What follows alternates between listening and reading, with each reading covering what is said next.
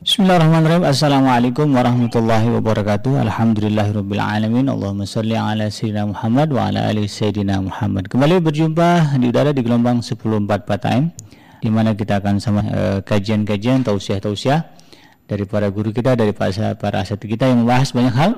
Kita akan mendengarkan kajian tentang fikih, safar dan mudik yang akan disampaikan oleh guru kita Ustadz Imam Santoso LCMA. Alhamdulillah beliau sudah terhubung dengan kita dan bagi anda saat ini tidak mudik ya, tapi tentu kalau berbicara uh, situasi dan kondisi normal, uh, mudik ataupun safar ke pulang uh, ke kampung halaman masing-masing di negara kita menjadi sebuah tradisi rutin ya bagi kaum muslimin. Namun demikian uh, tentu kita harus paham bagaimana uh, kedudukan ya safar dan mudik, uh, safar atau mudik uh, lalu kemudian harus jalan uh, dalam tempo waktu yang cukup lama di malam hari atau juga mungkin uh, yang biasanya apa uh, melakukan sholat-sholat eh, sholat-sholat sunnah seperti tarawih gitu ya. Lalu kemudian ketika berada dalam perjalanan guru kita Ustadz Imam Santoso LCMA dan bagaimana sahabat Edrim Radio yang nanti ingin bertanya kepada guru kita terkait dengan persoalan yang dibahas yaitu fikih safar dan mudik silakan anda bertanya. Boleh melalui nomor WhatsApp di 0822 988 atau bagi Anda yang masih menyaksikan kita melalui channel YouTube, Anda bisa bertanya langsung dengan menulis pertanyaan di kolom komentar. Masuk kita akan sampaikan kepada guru kita sebatas waktu yang beliau berikan. Dan bagi Anda yang uh, sudah menunggu kita dari tadi, saya ucapkan, saya ucapkan uh, jazakumullah. Mudah-mudahan uh, kesabaran Anda berbuah pahala dari Allah Subhanahu wa taala. Jangan lupa untuk menekan tombol like dan juga subscribe. Dan untuk memaksimalkan pahala, uh, share ya kepada sahabat, kerabat, family handai tolan berbagai program dan kajian yang ada di iDream Radio dan juga iDream TV sehingga mudah-mudahan ya semakin banyak orang yang bisa mengambil manfaat dari uh, program dan kajian yang ada di iDream Radio.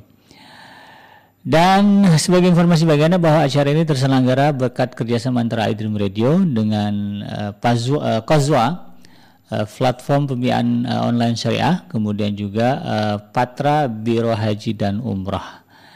Baik, tidak berlama-lama kita akan langsung menuju kepada uh, kajian kita pada hari ini. Sama-sama kita akan dengarkan uraian dari guru kita Ustaz Imam Santoso LCMA uh, eh, yang akan mengulas tema tentang fikih safar dan mudik. Kepada beliau saya persilakan. Tabal Ustaz. Bismillahirrahmanirrahim. Assalamualaikum warahmatullahi wabarakatuh. Warahmatullahi wabarakatuh. الذي بنعمته تتم الصالحات أشهد أن لا إله إلا الله شريك له وأشهد أن عبده ورسوله لا نبي بعده اللهم صل وسلم وبارك على سيدنا محمد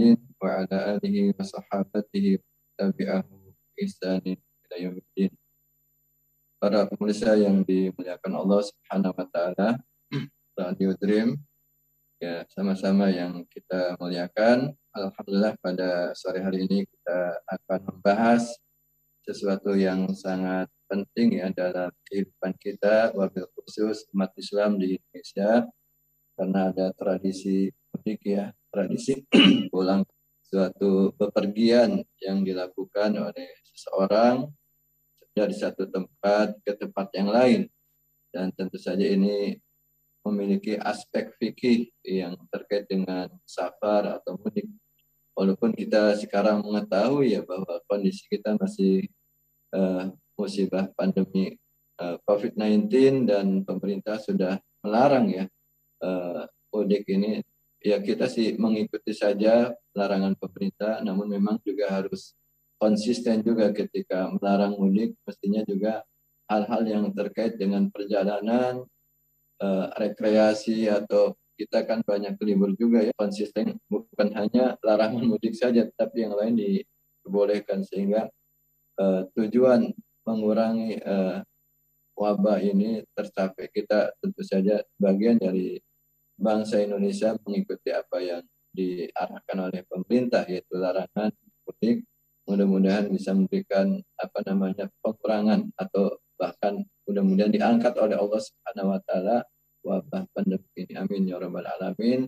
Apalagi kita semuanya berada di syah diangkat dari wabah ini. Allahumma inna na'udzubika min jahdil bala wa darki syaqa wa su'il qada wa syamatatil a'da.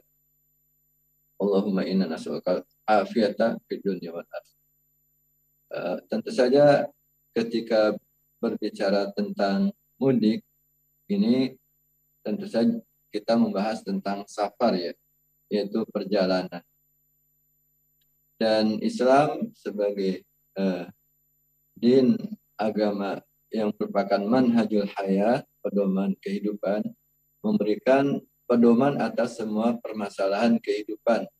Dan salah satu karakteristik ajaran Islam adalah al-yusr, memberikan kemudahan. Yuridullahu bikumul yusra wa la yuridu bikumul usra. Allah Subhanahu wa taala memberikan kemudahan kepada umat Islam terkait dengan ibadah-ibadah yang akan dilakukan. Demikian juga uh, seluruh taklif ya seluruh beban yang dibebankan kepada umat Islam itu insya Allah mampu dilaksanakan. La yukallifullahu nafsan illa wasa. Allah Subhanahu wa taala tidak membebani seorang kecuali yang mampu dan semua beban baik itu kewajiban maupun larangan insya Allah mampu dilakukan oleh umat Islam. Nah tentu saja ada hal-hal yang uh, ketika uh, dilakukan memberatkan maka umat Islam uh, rukhsah. Ya. Rukhsah, rukhsah itu artinya keringanan. Keringanan bagi umat Islam ketika melakukan satu ibadah. Misalnya ketika umat Islam melakukan perjalanan, ya perjalanan jauh, ya. Di antaranya mudik, pulang. Ada yang disebut dengan al-qasru, qasar, ada yang disebut dengan jama, ya dan seterusnya dan seterusnya. Maka marilah kita bahas satu persatu eh, hal-hal uh, yang uh, sangat penting untuk diketahui oleh para pemudik, para musafir di dalam melakukan perjalanannya. Karena kita harus menjadikan seluruh apa yang kita lakukan adalah ibadah. Ya, jadi mudik, musafir, lakukan perjalanan, apa semua yang kita lakukan adalah bagaimana tidak lepas dari ibadah ya.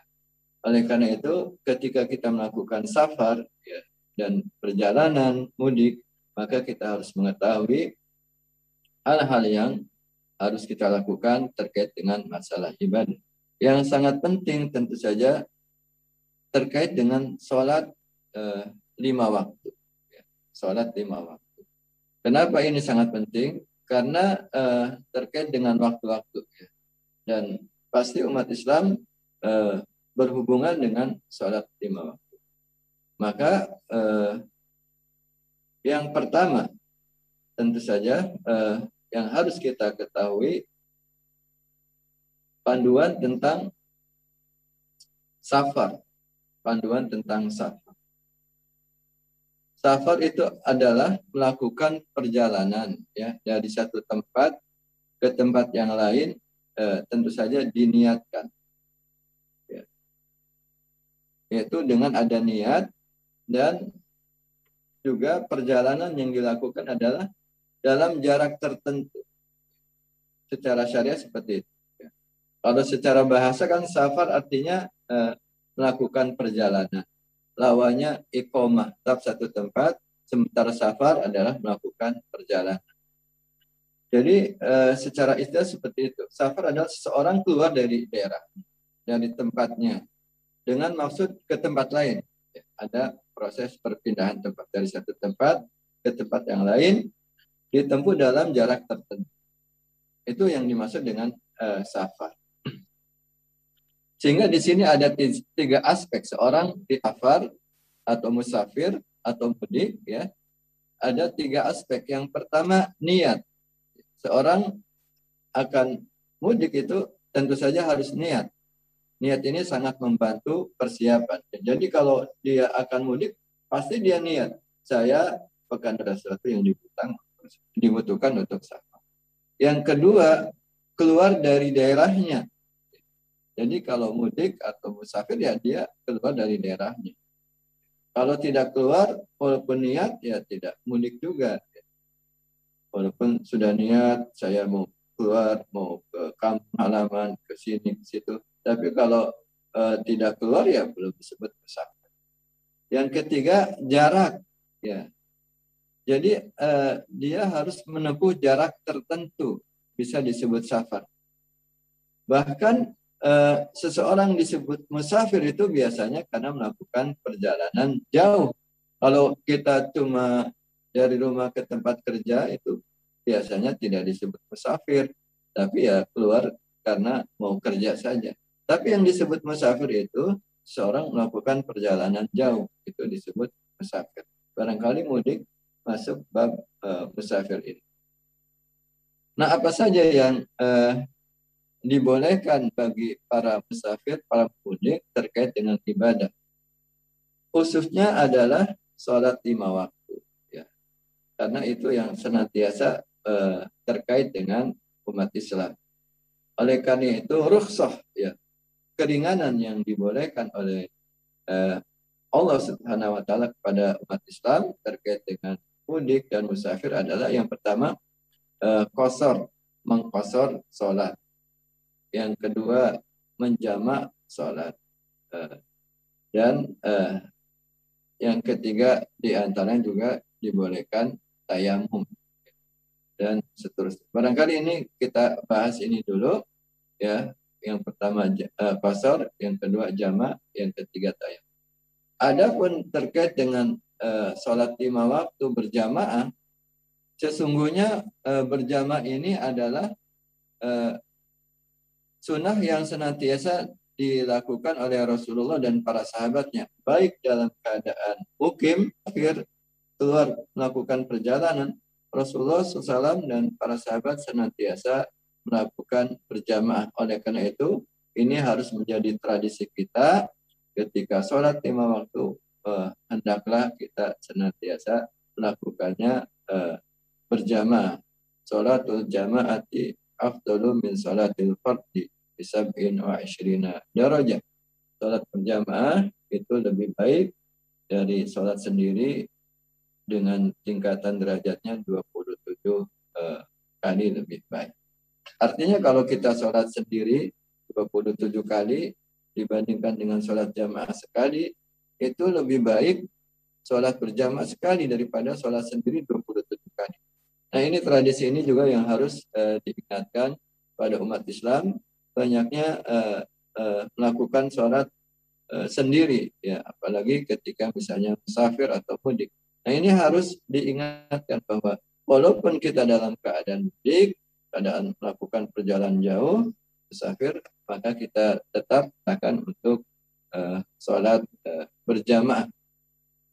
Walaupun memang para ulama berbeda pendapat terkait dengan hukumnya sholat berjamaah itu. Secara umum uh, ada dua lah pendapat yang kuat. Yang pertama, dan ini pendapat di antaranya Imam Ahmad, ya, pendapat para a'imah yang lain. Sementara madhab Imam Syafi'i menghukumi bahwa sholat berjamaah artinya sunnah makan itu sunnah yang sangat dianjurkan seperti hadis tadi sholatul jamaati afdoli afdolu min sholatil fardi bisab'in wa ashrina darajah bahwa sholat berjamaah afdol. Berarti kalau namanya afdol itu lebih baik berarti sunnah makan cuma kalau kita melihat sunnah eh, Rasul para sahabatnya meninggalkan sholat berjamaah. Bahkan para ulama dahulu mengatakan yang dimaksud sunnah akal itu sesuatu yang senantiasa dilakukan oleh uh, Rasulullah dan para sahabat. uh, para pemirsa, para jamaah, kaum muslimin yang dimuliakan oleh Allah Subhanahu wa taala itu terkait dengan uh, salat uh, berjamaah ya. Baik mukim uh, tinggal di kotanya masing-masing, di daerahnya masing-masing atau musafir sedang melakukan perjalanan. Yang kedua, eh, ini yang sangat penting kita ketahui adalah mengkosor sholat. Sholat kosor adalah eh, mengurangi jumlah rokaat sholat yang empat rokaat. Jadi kosor ini hanya ada pada sholat yang empat rokaat, yaitu sholat eh, lima waktu. Sehingga yang boleh dikosor dalam sholat adalah sholat zuhur, sholat asar, dan sholat isya. Ini yang boleh dikosor. Sementara sholat apa namanya uh, sholat maghrib dan demikian juga uh, sholat subuh. Allah Subhanahu wa taala berfirman wa idza darabtum fil ardi falaysa alaikum junahun an taksuru minas salati in khiftum ayyaftinakum alladhina kafaru innal kafirina kanu aduwwan mubina. Ketika kalian sedang melakukan perjalanan, pergian, maka tidak apa atau dibolehkan kamu mengkosor sesuatu yang di uh, merupakan keringanan yang Allah berikan kepada hambanya kepada uh, umat Islam. Demikian juga Rasul menyampaikan an Aisyah qalat awwala ma furidati salatu rak'ataini fa ukrat salatu safar wa utimat salatu hadar. Jadi bahwa salat pertama sekali diwajibkan adalah dua rakaat. Jadi sholat eh, awalnya pertama diwajibkan dua rakaat. Kemudian eh, ukirat sholat besar. Dua rakaat itu ditetapkan eh, bagi sholat yang musafir. Artinya bagi yang musafir, sementara sholat bagi orang yang tidak musafir atau yang mukim di tempatnya dia eh, seperti yang kita lakukan yaitu zuhur empat rakaat, asar empat rakaat dan isya empat rakaat. Yang lain uh, maghrib tentu saja uh, tiga rakaat. Demikian juga hadis yang lain uh, furidati salatu rakataini. Tsumma hajaran Nabi sallallahu alaihi wasallam diwajibkan sholat itu dua rakaat. Pertama dua rakaat. Kemudian Rasulullah hijrah ke Madinah furidat arba'an maka diwajibkan empat rakaat ya. Wa tarakatis salat safatu rikat salat safar alal awal sementara salat bagi musafir tetap dua rakaat. Kemudian illal maghrib kecuali maghrib fa innaha witrun nahar kecuali salat maghrib karena salat maghrib itu disebut witirnya uh, siang hari. Jadi witir siang hari itu maghrib. Kalau witir malam hari ya sholat witir ya sebelum sholat subuh kita lakukan. Wasolatul fajri dan juga sholat fajar dilakukan secara kosor. Itu li kiraatihima karena sholat fajar itu bacaannya panjang ya karena bacaannya panjang. Samping dia uh, cuma dua rakaat sehingga tidak boleh Nah ini uh, ketentuan dari Allah dan Rasulnya untuk sholat kosong.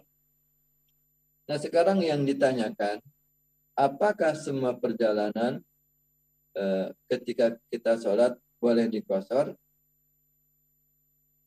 Nah para ulama membahas kira-kira semua perjalanan atau ada jarak minimalnya ternyata ada jarak minimalnya sebagaimana yang tadi saya sampaikan bahwa seorang disebut musafir itu seseorang boleh mengkosor sholat, boleh menjamah sholat, dan uh, uh, di antaranya juga boleh berbuka ya bagi yang berpuasa ketika memenuhi jarak minimal. Nah, dan maka para ulama membahas membahas masa fatul qasr jarak dibolehkannya seorang musafir melakukan qasr sholat. Nah ini uh, Rasulullah SAW dalam sebaris uh, uh, menyebutkan An Yahya bin Yazid al-Hanai qala Sa'altu Anas bin Malik an qasfis salat. Saya bertanya pada Anas tentang qasar salat. Faqala kana Rasulullah sallallahu alaihi wasallam idza kharaja masirata salasati amyal aw salasata farasih shalla rak'ataini. Ada hadis yang menyebutkan bahwa Yazid Al-Hanna berkata, saya bertanya pada Anas bin Malik tentang jarak salat kasar. Anas menjawab, adalah Rasulullah jika keluar menempuh jarak tiga mil atau tiga farsah, beliau salat dua rakaat. Tiga mil ya sekitar kurang lebih eh, lima meter, lima kilometer. Nah, namun demikian uh, ada hadis yang lain. An Ibnu Abbas qala qala Rasulullah sallallahu alaihi wasallam ya ahla Makkah la taqsuru shalah fi adna min arba'ati burd min Makkah ila Asfan. Nah, ini ada uh, hadis yang kedua. uh, dari Ibnu Abbas, wahai penduduk Makkah, janganlah kalian mengkosor sholat kurang dari empat bur, ya kurang dari empat bur dari Mekah ke Asfan. Hadis riwayat atau Broni dan Darukutni cuma hadis ini mau. Ada yang lain walibni Abi Syaibah min badin akhar sahih an qal tuqsaru salatu fi masirati yaumin wa lailah. Salat itu boleh dipasar ketika perjalanan sehari semalam. Nah ini ada tiga hadis eh, tentang pasal sholat eh, ditambah satu eh, tradisi. Wakana Ibnu Umar wa Ibnu Abbas radul anhum yufassirani wa yuftira farsakh. Bahwa Ibnu Umar dan Ibnu Abbas mengkosor sholat dan tidak berpuasa ketika perjalanannya adalah empat burd atau 16 farsah. Nah, para ulama fikih itu membahas eh, jarak kosor ini ketika ya Ibnu Umar dan Ibnu Abbas sepakat dalam satu masalah, itu pendapatnya sangat kuat. Kenapa? Karena Ibnu Umar itu seorang sahabat yang sangat ketat di dalam masalah fikih. Sementara Ibnu Abbas adalah seorang yang cukup longgar di dalam masalah fikih. Namun dalam akad, ya, Ibnu Umar yang ketat pendapatnya dan Ibnu Abbas yang longgar sepakat bahwa jarak kosor sholat adalah 4 burd atau 16 farsa. Berarti ini pendapat yang sangat kuat. Dan bagaimana dengan pendapat yang tadi hadis Rasul tidak tiga mil ya Nah, para ulama berpendapat bahwa tiga mil itu bukan ujung perjalanan. Artinya perjalanan yang ditempuh bukan hanya tiga mil, tapi ketika bukan batas perjalanan, tapi dia uh, adalah menunjukkan bahwa ketika Rasulullah sampai pada tiga mil perjalanan, beliau mengkosong.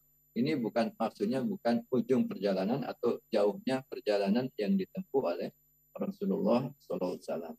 Sehingga para uh, ulama ya uh, mayoritas ulama atau jumhurul ulama berpendapat bahwa pendapat yang kuat terkait dengan masa fatul qasr ya jarak yang boleh dikosor tentu saja boleh juga dijamak nantinya dan di sana juga dibolehkan berbuka puasa adalah uh, empat burd atau 16 farsah. Nah di sini uh, 16 farsah satu farsa itu 5.541 meter. Sehingga 16 farsa itu ya tinggal kali 16 saja. Ketika dihitung jatuhlah uh, angka 88 kilometer uh, 656 uh, meter. 88 88,656 kilometer ya ya sekitar itu atau 89 lah dikenakan. Jadi ketika kita melakukan perjalanan sejauh minimal 89 km, maka seorang sudah dibolehkan uh, mengkosor sholat, seorang sudah dibolehkan menjamak sholat, dan uh, kalau dulu kan perjalanannya berat ya, perjalanannya menggunakan bahkan perjalanan kaki ya atau perjalanan pakai unta atau pakai kuda ya. Jadi 88 itu sesuatu yang berat sekali. Tapi kalau sekarang kan 88 km dari Jakarta mungkin ke uh, Subang itu sudah 80 90-an ya. Uh, nah sehingga uh, terkait dengan puasa ini ya dilihat saja kondisinya. Kalau memang perjalanannya berat ya maka silakan tidak berpuasa misalnya naik motor gitu ya uh, atau bahkan naik sepeda. Tapi kalau uh, perjalanannya ringan walaupun misalnya ratusan kilometer tapi ditempuh dengan uh, cuma beberapa jam saja seperti kita naik pesawat dan seterusnya ya dikembalikan kepada kemampuan para musafir terkait dengan puasa. Apalagi Eh, kalau ashrul awakhir ya 10 hari terakhir itu kan bahwa prime time ya waktu yang sangat utama untuk kita beribadah. Sehingga memang kita harus betul-betul uh, mengetahui uh, pentingnya ibadah puasa dan ibadah-ibadah di malam hari yang mulai dan seterusnya. Sehingga musafir ini atau pas apa namanya mudik ini tidak menghambat atau tidak mengurangi ibadah-ibadah puasa atau ibadah-ibadah uh, sholat lima waktu atau ibadah yang lainnya. Dan seperti itu. Nah demikian uh, para jamaah, para pemirsa bahwa uh, angka yang kita dapatkan dari dibolehkannya kosor jamak sholat dan barangkali juga uh, dibolehkannya berbuka ketika uh, melakukan perjalanan sejauh 4 burd atau 16 farsah atau kalau kilometernya sekitar 88,656 km. Nah, hadis tadi ada yang menyebutkan uh, tiga mil ya tadi sudah saya sampaikan bahwa itu bukan ujung perjalanan. Ya, 5 km itu bukan ujung perjalanan, tapi itu ketika Rasul sampai ke 5 km baru mengkosor. Tapi bukan batas perjalanan. Perjalanannya jauh dan yang terkait dengan Ibnu Syaibah yang menunjukkan bahwa kosor e, dilakukan perjalanan sehari semalam. Dulu kan perjalanan sehari semalam itu jalan kaki ya. Ketika sehari semalam ternyata kurang lebih memang ya sekitar 88 sampai 90 km kalau e, perjalanannya perjalanan kaki. Dan inilah e, pendapat yang kuat perjalanan yang normal yang dibolehkan eh, apa namanya mengkosor dan menjamak sholat. Pendapat ini adalah pendapat Madhab Malik dan Imam Ahmad serta eh, Imam eh, Syafi'i tentu saja Imam Malik, Imam eh, Syafi'i dan Imam Ahmad dan para pengikutnya tentu saja ini disebut dengan Madhab Jumhur Ulama pendapat Jumhur Ulama yaitu ketika perjalanan empat burd atau 16 farsah atau 88,66 km.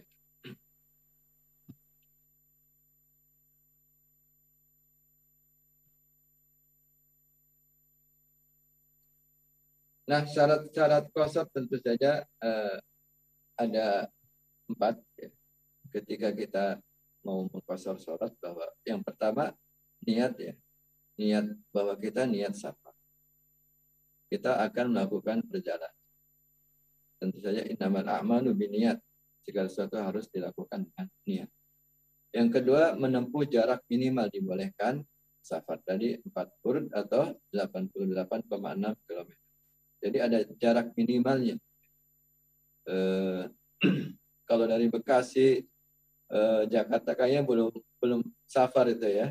Bekasi eh, Jakarta atau Bekasi, eh, Karawang juga belum ya. Jakarta, Karawang eh, mungkin ada yang sudah waktu safar atau batas safar ada yang belum Jakarta Bogor.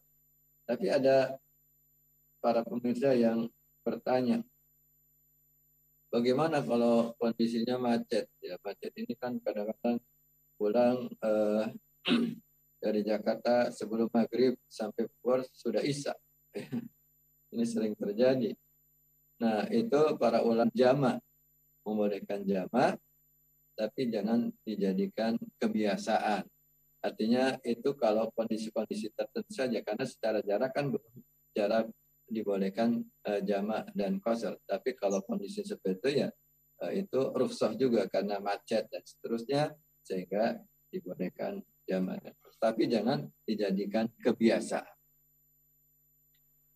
Yang ketiga, ya syarat uh, sholat kosor adalah keluar dari kota tempat tinggalnya. Jadi dia sudah keluar, ya, jangan di, di rumah kan kalau di rumah belum keluar.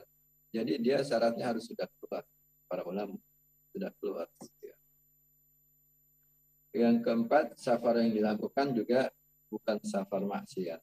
Jadi kalau safarnya maksiat ya tidak di, mendapatkan rukhsah jadi orang yang bermaksiat tidak mendapatkan rukhsah bahkan harus dikasih beban yang lebih berat Nah, eh, lamanya waktu dibolehkannya kosor ya. Berapa lama dibolehkannya kosor dan jamak? Jika seorang musafir hendak masuk suatu kota atau daerah dan bertekad tinggal di sana, maka dia dapat melakukan kosor dan jamak sholat. Ya. Menurut pendapat Imam Malik dan Asyafi adalah empat hari, selain hari masuk dan hari keluar. Jadi selain hari perjalanan, seorang itu boleh menjamak mengkosor empat hari. Ya. Misalnya kita mau mudik nih, mudik misalnya ke Jawa lah katakanlah ke Tegal ya dari Jakarta. Nah, eh, selama empat hari itu boleh menjamak dan kosor di tempat tinggalnya. Di, tidak dihitung eh, eh, waktu perjalanan ya hari perjalanan tidak dihitung waktu perjalanan berangkat dan perjalanan pulang tidak dihitung. Nah setelah empat hari ya dia kalau dia mau tetap tinggal di situ mudiknya lama berarti setelah itu sholat biasa. Sholat uh, sempurna ya. Uh, tidak kosong lagi tidak jamaah kalau sudah lewat empat hari. Adapun kalau musafir itu tidak menetap ya. Misalnya eh, tugas dinas ya. Dia eh, tidak menetap pindah ke satu tempat pindah satu kota ya dia tetap dibolehkan menjamah dan mengkosor sholatnya karena dia tidak menetap walaupun misalnya lebih dari empat hari. Ya. Berkata Ibnu Qayyim, Rasulullah SAW tinggal di Tabuk 20 hari mengkosor sholat. Jadi Rasulullah ketika ke Tabuk, beliau di sana kurang lebih 20 hari dan beliau senantiasa mengkosor sholat. Disebutkan juga Ibnu Abbas dalam riwayat Bukhari, Rasulullah SAW melaksanakan sholat di sebagian safarnya 19 hari sholat dua rakaat. Dan kami jika safar 19 hari, sholat dua rakaat. Tetapi jika lebih dari 19 hari, maka kami sholat dengan sempurna. Artinya eh, dilihat apakah dia akan eh, eh, mukim di sana. Kalau mukim ya cukup empat hari ya dibolehkannya puasa dan jam. Tetapi kalau tidak mukim ya tidak menetap akan pulang lagi eh, maka boleh uh, selalu uh, menjamak dan kosor sholat sebagaimana riwayat tadi. Nah itu terkait dengan kosor. Uh, berikutnya uh, jamak ya. Kadang-kadang uh, kita uh, tidak bisa membedakan antara kosor dan jamak. Ya. Kalau kosor itu kan mengurangi jumlah rokaat sekali lagi. Kosor itu mengurangi jumlah rokaat yang empat rokaat ya sehingga di situ ada uh, ada zuhur, ada asar, ada isya yang boleh dipasang. Nah sekarang jama. jama adalah uh, menggabungkan. Kalau jama artinya al jamu artinya uh, menggabungkan. Ya. Menggabungkan dua sholat pada satu waktu, ya, dan dibolehkan. Ya. Yang boleh dijama adalah sholat uh, zuhur dijama dengan asar ya digabungkan al jama disatukan waktunya dan uh, maghrib dengan isya seperti itu. Jama ada dua, jama takdim dan ada jama takhir. Kalau jama takdim itu uh, sholat duhur dan sholat asar di sholatnya waktu duhur itu namanya jama takdim. Sholat maghrib, sholat isya di waktu maghrib namanya jamat takhir. Nah kalau jamat takhir, sholat duhur, sholat asar, sholatnya di waktu asar. Sholat maghrib, sholat isya, sholatnya di waktu isya. Itu jamat takhir. Nah itu saja terkait dengan jamak. Ya. Eh, nah ada aturan juga, eh, bukan aturannya ini eh, panduan dari Rasulullah SAW. Ketika beliau melakukan perjalanan ke Tabuk, ketika matahari sudah condong, artinya sudah masuk waktu zuhur, dan beliau belum melakukan perjalanan, ya masih di tempat, maka beliau menjama, ya, menjama uh, zuhur dan asar yang dilakukan pada waktu zuhur. Tetapi ketika melakukan perjalanan, misalnya belum zuhur, ya, maka beliau jamak takhir. Ya, jamak takhir artinya sholat duhurnya ditakhirkan di waktu asar dan dilakukan di waktu asar. Seperti itu. Demikian juga maghrib isya. Ketika sudah masuk waktu uh, maghrib, kita masih di tempat, maka dibolehkan jamak yaitu jamak takdim. Ya. Tetapi ketika kita melakukan perjalanan misalnya belum maghrib, maka ditakhir ya uh, sholat maghribnya karena ada di perjalanan maka ditakhir pada waktu isya. Nah, itu uh, terkait dengan jamak uh, takdim dan jamak takhir. Sementara uh, jaraknya sama dengan jarak uh, ya, jarak dibolehkannya jamak itu sama dengan jarak dibolehkannya qasar yaitu 88,6 uh, km. Seperti tadi atau 40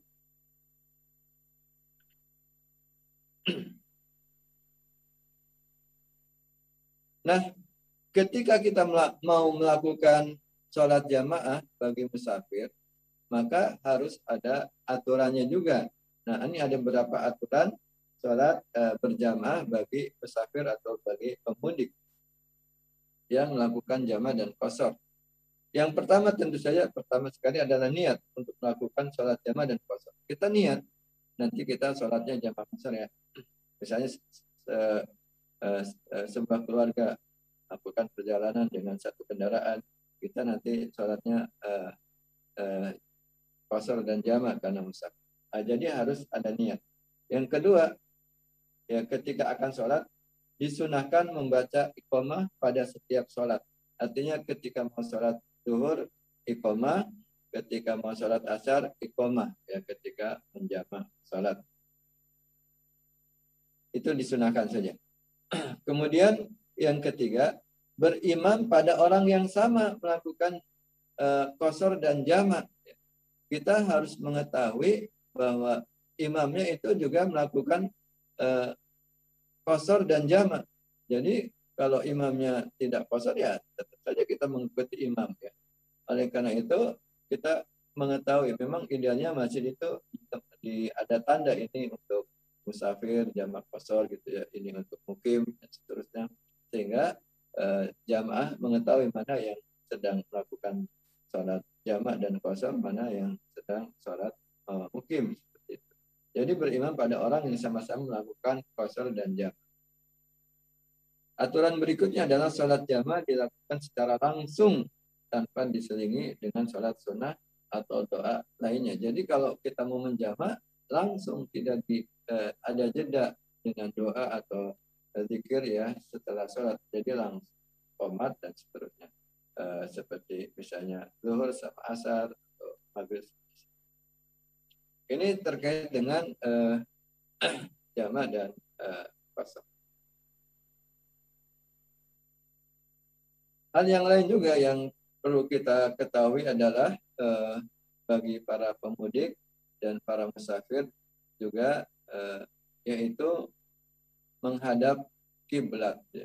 menghadap kiblat terutama bagi yang melakukan perjalanan eh, udara ya eh, pesawat atau eh, misalnya laut ya atau darat juga bahwa menghadap kiblat itu merupakan syarat sahnya sholat sehingga kita dipastikan mengetahui kiblat. Bagaimana cara mengetahuinya ya bertanya ya pada penduduk setempat atau orang yang mengetahui ya. Karena Allah Subhanahu wa taala berfirman bahwa wajhaka syatrat Masjidil Haram wa haitsu ma kuntum fawallu hakum syatra. Nah, kita diperintahkan untuk mengarahkan atau memalingkan wajahmu ke arah Masjidil Haram di mana saja kamu berada. Ya, jadi termasuk kita musafir juga harus menghadap kiblat ya, eh, menghadap kiblat baik dalam kendaraan eh, mobil, kereta api, kapal laut atau pesawat terbang dan mampu menghadap kiblat maka ia harus menghadap kiblat. Sedangkan bagi musafir yang naik kendaraan sedang ia tidak tahu arah kiblat atau tidak mampu ya, maka dia upayakan semaksimal mungkin eh, meng mengarah ke eh, kiblat ya. Kalau tidak tahu sama sekali ya eh, sholat uh, yang kita yakini bahwa itu arah kiblat karena uh, tentu saja walillahil masyriqu wal maghrib fa aina fatwallu fasamma wajhullah innallaha wasi'un alim. Artinya Allah Subhanahu wa taala yang memiliki barat dan timur dan kamu mengarahkan wajahmu ke mana saja insya Allah ketemu. Ini bagi mereka yang sama sekali tidak tahu arah kiblat atau tidak mampu mau bertanya juga tidak ada yang tahu ya sudah kita yakini saja kira-kira kiblat itu arahnya di mana. Bagi orang yang mampu biasanya punya kompas ya untuk bisa membantu arah kiblat. Nah, bagaimana kalau kita sholat di atas kendaraan? Jadi kalau kalau kendaraan pribadi kan mudah ya gampang kita bisa berhenti sendiri. Nah kalau kendaraan umum kan eh, tidak bisa ya kita naik pesawat, naik kapal laut, naik kereta atau naik mobil umum kan eh, tidak eh, sulit untuk uh, menghentikan kendaraan itu. Maka uh, sholat atau tata sholat, uh, tata cara sholat di atas kendaraan yang pertama, jika dimungkinkan maka sholat seperti biasa. Artinya sholat seperti biasa ada ruku, ada sujud, ada uh, iktidal dan seterusnya. Demikian juga sholat berjamaah menghadap kiblat, ya ruku dan sujud seperti biasa. Ini kalau kita uh, uh, mampu ya sholat seperti biasa. Kalau jamaah kosotan tadi sudah mendapatkan ruksa ya kalau perjalanannya melebihi ya 40 melebihi 89 km dibolehkan jamaah kosotan. Jika tidak dapat berdiri maka sholat sambil duduk. Ya artinya kalau kita tidak mampu misalnya di kereta tidak bisa apa namanya berdiri walaupun saya melihat di kereta sekarang juga ada fasilitas sholat ya. Tanya sama uh, petugas uh, biasanya ngasih tahu. Tapi kalau memang uh, memberatkan kita ya sholat sambil duduk ya dengan gerakan sholat dalam posisi duduk, ruku dan sujud dengan membuka punggung ya. Artinya uh, di situ kan uh, bacaannya seperti biasa kalau bacaan tidak berubah. Yang berbeda sedikit adalah ruku dan sujud. Ya. Kalau ruku uh, punggungnya uh, uh, dibungkukan ya kalau sujud dibungkukan juga lebih dalam dari uh, ruku itu saja dan sujud punggung lebih menurun dari ruku itu saja yang membedakan ya ketika kita sholat dalam kondisi duduk dan itu dibolehkan ya ketika memang uh, kita menaiki kendaraan umum ya dan waktunya sudah hampir habis dan seterusnya Nah, demikian juga eh, apabila tidak mendapatkan air ya, maka dapat bertayamum. Cara tayamum yaitu menepuk tanah ya atau debu pada dinding ya. Jadi mungkin eh, kita tepuk saja pada dinding kendaraan dengan dua telapak tangan ya, tepuk ya, lalu diusap ke seluruh wajah dan kemudian eh, kedua tangan. Ya, cukup itu itu saya pertamanya itu kalau tidak ada air. Tapi sebenarnya sekarang uh, banyak memudahkan ya kita tinggal beli beli, beli air saja kemasan uh, cukup untuk uh, melakukan uh, bersuci. Nah itu hal-hal uh, yang sangat penting ketika kita melakukan apa namanya mudik, safar, melakukan perjalanan uh, baik perjalanan darat, perjalanan laut, perjalanan udara itu yang sangat penting adalah uh, bagaimana kita uh, tata cara sholat lima waktunya. Dibolehkan jama, dibolehkan kosor, uh, dalam batas-batas tertentu juga dibolehkan untuk sholat duduk, dan dalam batas tertentu juga dibolehkan uh, bertayamum ketika tidak ada air. Para pemirsa, para jamaah kaum muslimin dan kaum muslimat yang dimuliakan oleh Allah Subhanahu wa taala, eh, tentu saja yang melengkapi perjalanan kita adalah hendaknya ketika kita melakukan perjalanan tadi eh, bahwa kita eh, tidak lepas dari ibadah pada Allah Subhanahu wa taala sehingga ada adab-adab safar atau adab-adab perjalanan. Adab yang pertama jika terdiri dari dua orang atau lebih, maka harus ada ketua rombongan. Ya. Memang idealnya perjalanan itu jangan sendiri, ya. Rasulullah uh, senantiasa melakukan perjalanan jamaah tidak sendiri. Nah, kalau uh, ada dua orang atau lebih, maka harus diangkat satu pemimpin, ya.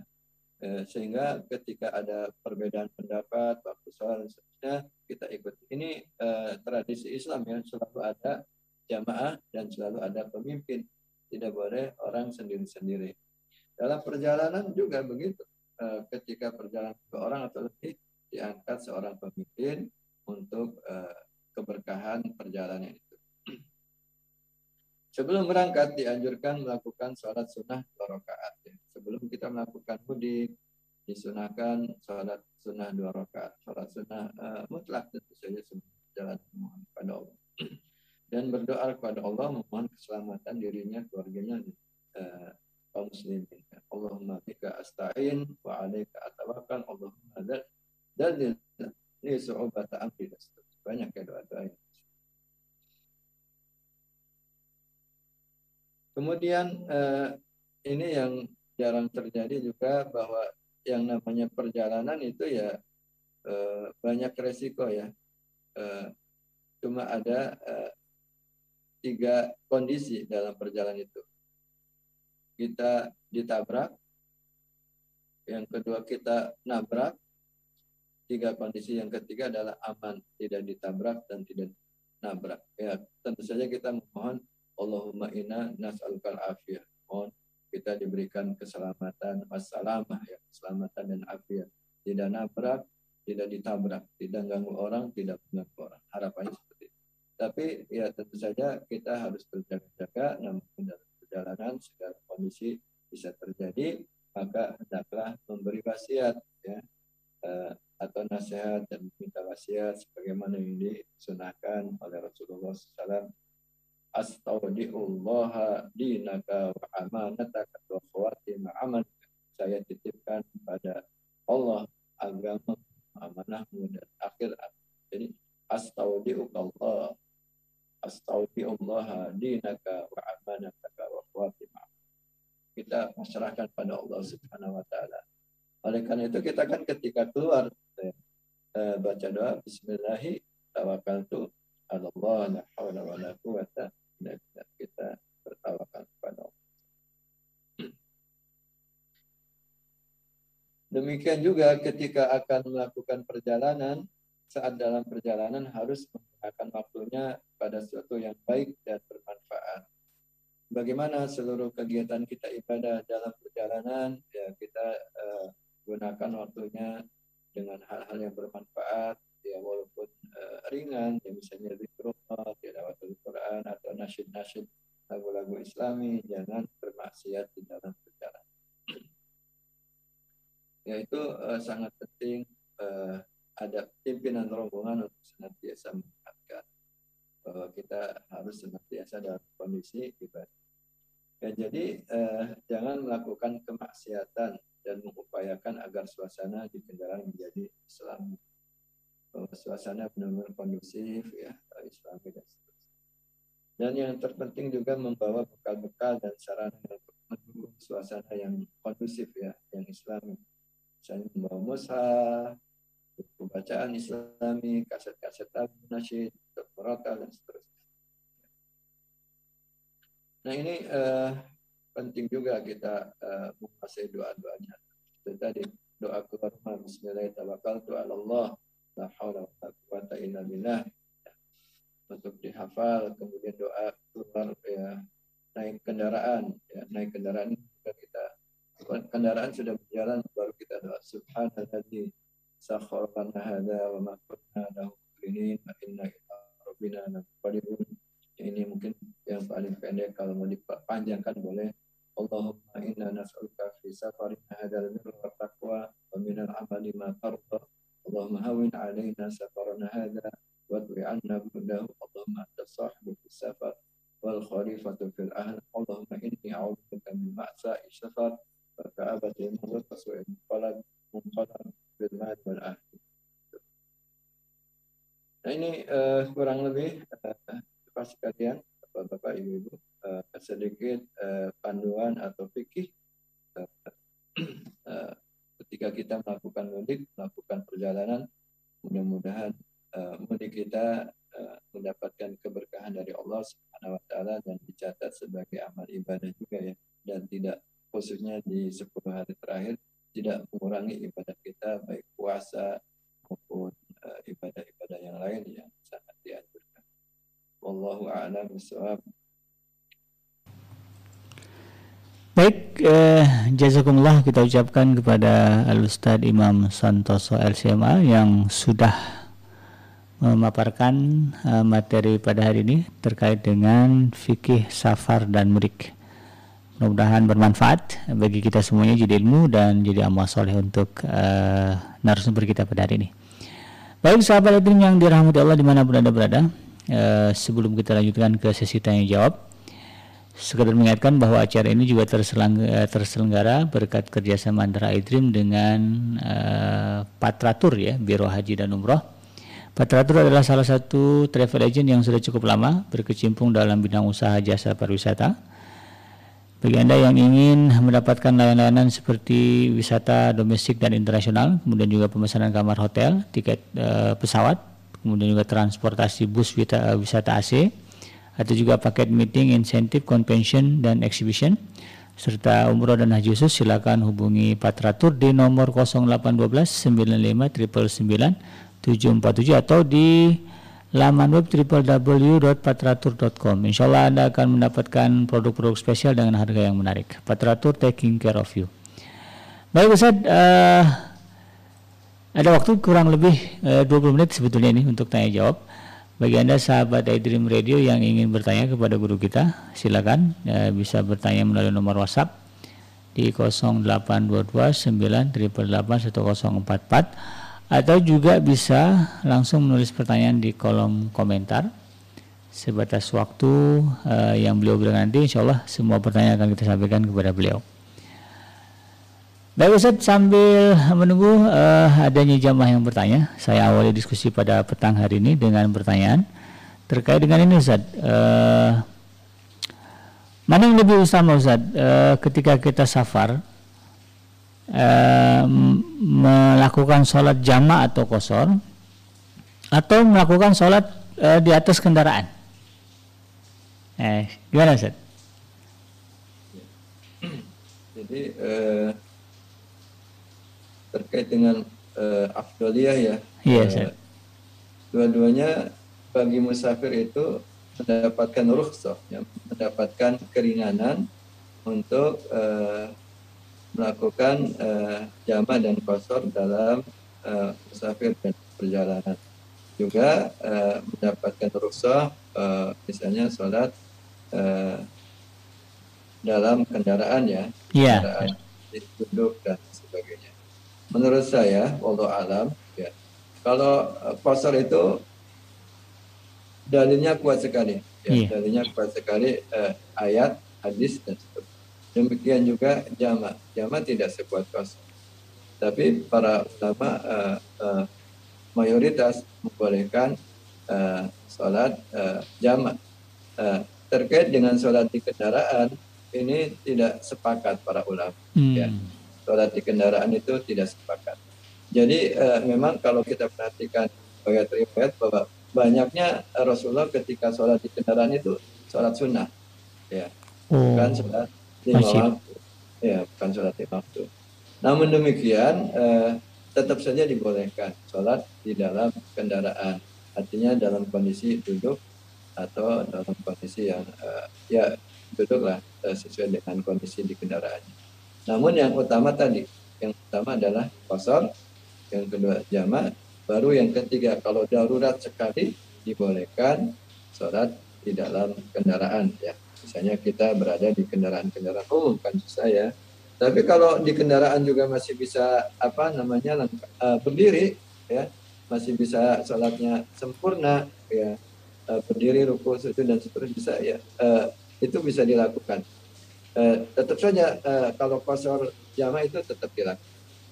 Allah Oh baik baik. Jadi kalau berbicara uh, runutan dalil, kosor lebih utama Ustaz ya? Iya, pasar itu Ya, ya dalilnya uh, banyak dan cukup kuat, sangat kuat bahkan ya. Baik, uh, ini jadi ilmu juga bagi saya Ustaz. Kemudian saat ini ada sudah ada pertanyaan dari jamaah dari akun atas nama Ratna di uh, channel YouTube kita. Uh, Ustadz bila kita mudik selama di kampung halaman itu uh, 3 sampai 5 hari, apakah kemudian uh, boleh menja melakukan sholat kosor atau jamak uh, atau juga mungkin uh, jamak kosor selama di kampung halaman? uh, yang bersangkutan uh, niatnya uh, ketika mudik akan balik lagi mudik menetap selamanya. Ya, Sepertinya balik lagi Ustaz. Soalnya cuma tiga iya, soalnya cuma tiga satu sampai lima hari gitu. Ya, berarti kondisinya memang selalu dalam kondisi musafir kalau pulang lagi kan. Iya. Apalagi iya. tadi pendapat para ulama kalau walaupun akan menetap dalam jarak empat hari itu masih dibolehkan jamak kosong. Jamak kosong.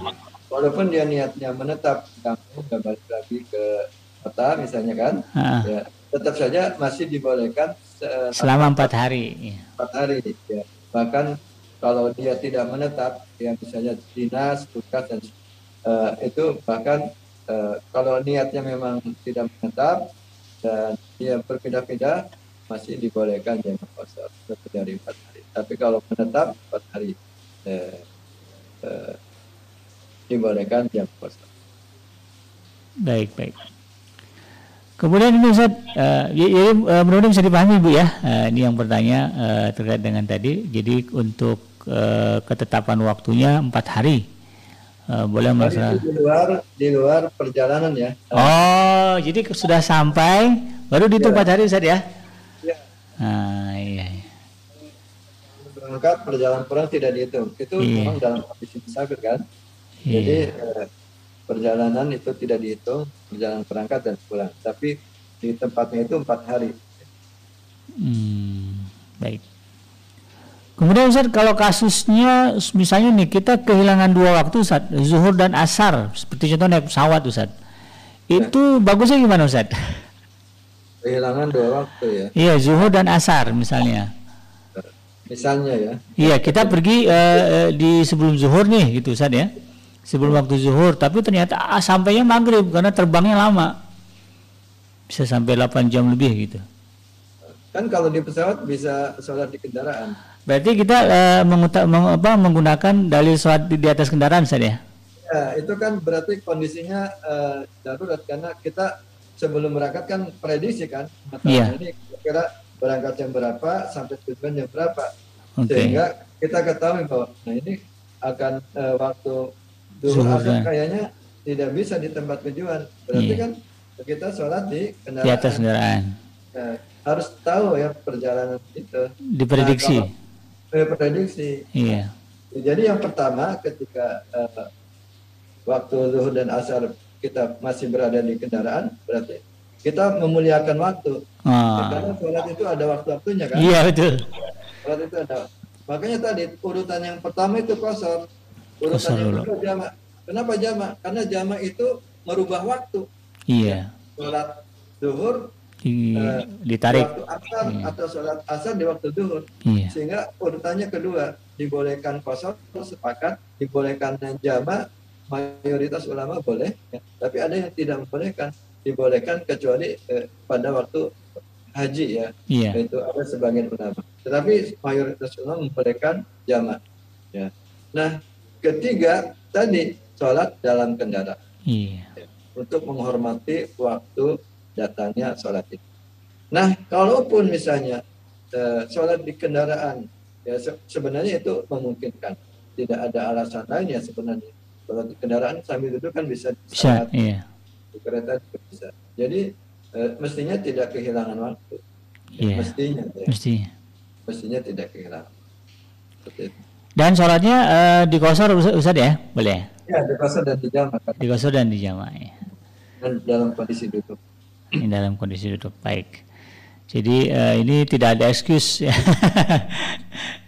untuk kita untuk kemudian meninggalkan sholat karena sholat itu adalah uh, ini terkait yang uh, mereka belum tahu iya. sehingga tidak mendap tidak sholat seperti itu uh -uh. ya berarti harus pondok lah Oh. Ya, jadi sholat-sholat yang tidak belum dilakukan di kodok ya di iya, kodok yeah. ya ketika datang uh, sholat duhur sholat ini memang banyak dilakukan mereka yang tidak tahu jadi seharian nggak sholat di perjalanan, Iya. semuanya dirapel gitu kan. Iya. Nggak ada aturannya gitu. Zuhur, asar di waktu maghrib semuanya boleh nggak Ustaz? Tapi bisa dirapel ketika nyampe. Oh, iya. Nggak ada aturannya. Nggak ada aturannya. Ya, ya karena tidak tahu jadi ya itu. Di kodok. Daripada tidak ya Iya. mudah-mudahan diampuni Allah. Iya, saya, saya yakin nggak ada.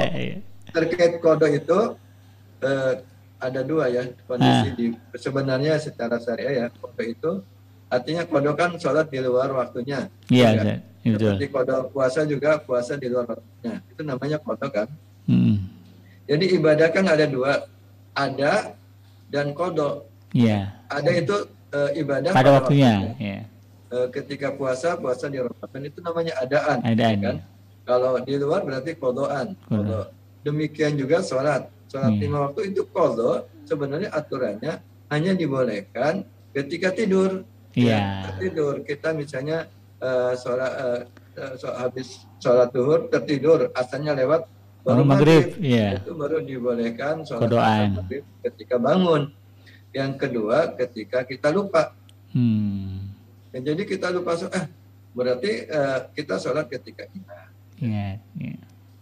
Kondisi itu sebenarnya dibolehkan Iya. pada sholat. Tapi kalau dalam konteks safar nggak boleh. Eh, Iya, safar kan masih bisa sholat Iya, kendaraan. iya baik baik baik. Ini juga jadi ilmu buat kita ya. Mudah-mudahan eh, merubah ya segala sesuatu yang Iya, mungkin selama ini kita salah. Baik Ustaz, kemudian eh, terkait dengan ini Ustaz, eh, tadi tuh yang menarik macet Ustaz ya. Eh, misalnya kita biasa naik ken- eh, mengemudikan kendaraan sendiri. Kemudian eh, stuck di jalan nih Ustaz. Bagusnya gimana tuh Ustaz? Eh, sholat di, di kendaraan gitu kalau dalam kondisi kita nyetir Ustaz, nyetir sendiri. Atau lebih baik menepi kemudian sholat di tempat seadanya. Nah, misalnya kalau di jalan tol ya terpaksa menepi ke bahu jalan. Atau seperti apa Ustaz bagusnya? Ya, la yukallifullahu nafsan illa wus'aha ya. Allah Subhanahu wa taala tidak membebani seorang kecuali yang mampu dilakukan dalam kondisi macet, apalagi macet total, stuck tadi ya tidak bisa ke mana-mana. Mm-mm. Ya, eh, kita sebagai seorang muslim mukmin, muslimah, mukminah, al mukmin kayis, cerdas gitu ya. Kalau macet seperti itu, kalau eh, yang baik menurut saya, Allah alam, eh, ketika macetnya panjang langsung sholat, ya, Hmm. langsung sholat. Khawatir eh, lewat waktu tadi, jadi eh, tidak bisa dijamah, tidak bisa dikosor gitu kan. Iya. Ya, eh, berangkat pagi, start eh, lama banget gitu, le- eh, asar lewat maghrib. Iya. Sehingga dua waktu kan, ya berarti eh, eh, sebelum maghrib misalnya ya, sebelum maghrib kan, Hmm. misalnya kan belum sholat duhur, sebelum Iya. maghrib sholat segera, sholat duhur, Oke. sholat maghrib di jamat akhir gitu ya, Iya. Eh, di kendaraan. Di Nah, itu kendaraan. seperti itu. Jadi lebih amannya eh, eh, sholat langsung, so- dia langsung sholat aja bisa deh di, di, di Ya, waktunya. langsung. Nah, tapi kalau prediksi eh, ketika sampai di rumah atau sampai tempat yang aman, Nah, sudah bisa eh, sholat, ya silakan lakukan misalnya sholat tidak di kendaraan tapi tetap jamak kosor. Ya. baik, baik, baik. Kalau ada. Iya, ini juga penting. Kemudian Ustaz untuk sholat sunnah nih Ustaz, sholat misalnya kita biasa, ini kan apalagi yang misalnya misalnya dalam eh, eh, kondisi normal kan eh, biasanya mudik itu kan di hari-hari menjelang eh, hari raya Ustaz. Nah ini eh, itu eh, ada yang memang biasa eh, di malam apa di malam 10 terakhir itu ya sholatnya banyak begitu, tidak mau tinggal.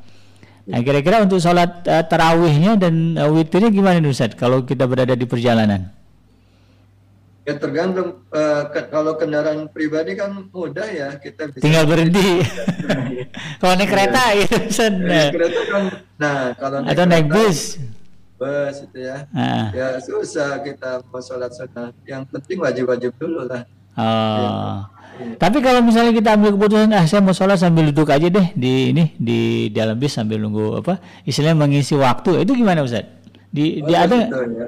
Tadi di bo- bahwa al mukmin kayisun fatin. Hmm. Bahwa orang beriman itu cerdas. Dia bisa mencari waktu-waktu yang eh, sempit untuk beribadah pada Allah Subhanahu wa taala. Jadi Iya. kita eh, niatnya insya Allah baik ya kita upaya untuk memaksimalkan ibadah di malam-malam Ramadan gitu ya. Hmm, baik. Eh, Kalaupun belum sempat seperti itu, misalnya sholat-sholat ya kan kita bisa isi dengan tilawah, zikir yang memudahkan. Iya, yang yang yang penting uh, tidak libur ibadah lah selama di jalan saja. Iya, ada ibadah tetap bisa dikerjakan. Iya. Itu ada Lailatul Qadar sehingga memang idealnya memang kita maksimalkan itu. Betul, betul, betul. Baik Ustaz, uh, sepertinya uh, waktu sudah mau habis, uh, sudah jam 17 lewat 11 menit waktu Indonesia bagian Barat. Uh, sebelum kita akhiri, mohon memberikan closing statement dulu terkait dengan pada hari eh, tema pada hari ini tentang fikih safar dan mudik untuk sahabat Aidirim semuanya. Silakan Ustaz. Pertama, la yukallifullahu nafsan illa usaha bahwa Allah Subhanahu wa taala tidak memberikan beban kepada kita kecuali yang kita mampu. Maka kita tentu saja ketika sholat, khususnya waktu memberikan kemudahan-kemudahan seperti jamak kosor dan kemudahan yang lain kita manfaatkan. Dan insya Allah pahalanya seperti sholat biasa ya artinya sholat sempurna. Karena uh, itu keringanan dari Allah Subhanahu Wa Taala. Bahkan Allah suka kalau keringanan itu diambil. Ya keringanan itu diambil. Yang kedua bahwa orang beriman itu al kayisun fatin. Bahwa orang-orang beriman itu cerdas. Sehingga dia bisa memanfaatkan waktu-waktu yang sempit walaupun dia musafir bisa mengisi dengan ibadah uh, sesuai dengan kemampuannya. Kalau kendaraan pribadi ya tentu saja lebih berkuasa untuk bisa beribadah secara maksimal. Walaupun kendaraan umum ya dia tetap saja bisa melakukan ibadah sesuai dengan kemampuan yang bisa dilakukan. Ala hal bagaimana kita berupaya senantiasa dalam uh, ibadah kepada Allah Subhanahu wa taala dan senantiasa mendekatkan diri kepada Allah. Mudah-mudahan Allah senantiasa memberikan keberkahan kepada kita dan mengampuni segala kekurangan dan kekhilafan kita lakukan. Amin. Baik sahabat Edim yang dirahmati Allah Sekali lagi kita ucapkan uh, jazakumullah kepada guru kita Ustaz Imam Santoso LCMA Yang sudah menyampaikan uh, materi pada hari ini Mudah-mudahan bermanfaat bagi kita semuanya Dan jadi amal soleh untuk beliau saya bikinnya peserta Quran bertugas di uh, dalam program ngaji from home uh, spesial uh, kajian Ramadan Pamit undur dari ruang dengar Anda. Mohon maaf atas segala kehilafan dan kekurangan. Subhanaka Allahumma rabbana wa bihamdika. Asyhadu an la ilaha illa anta astaghfiruka wa atubu ilaik. Walhamdulillahirabbil alamin. Wassalamualaikum warahmatullahi wabarakatuh.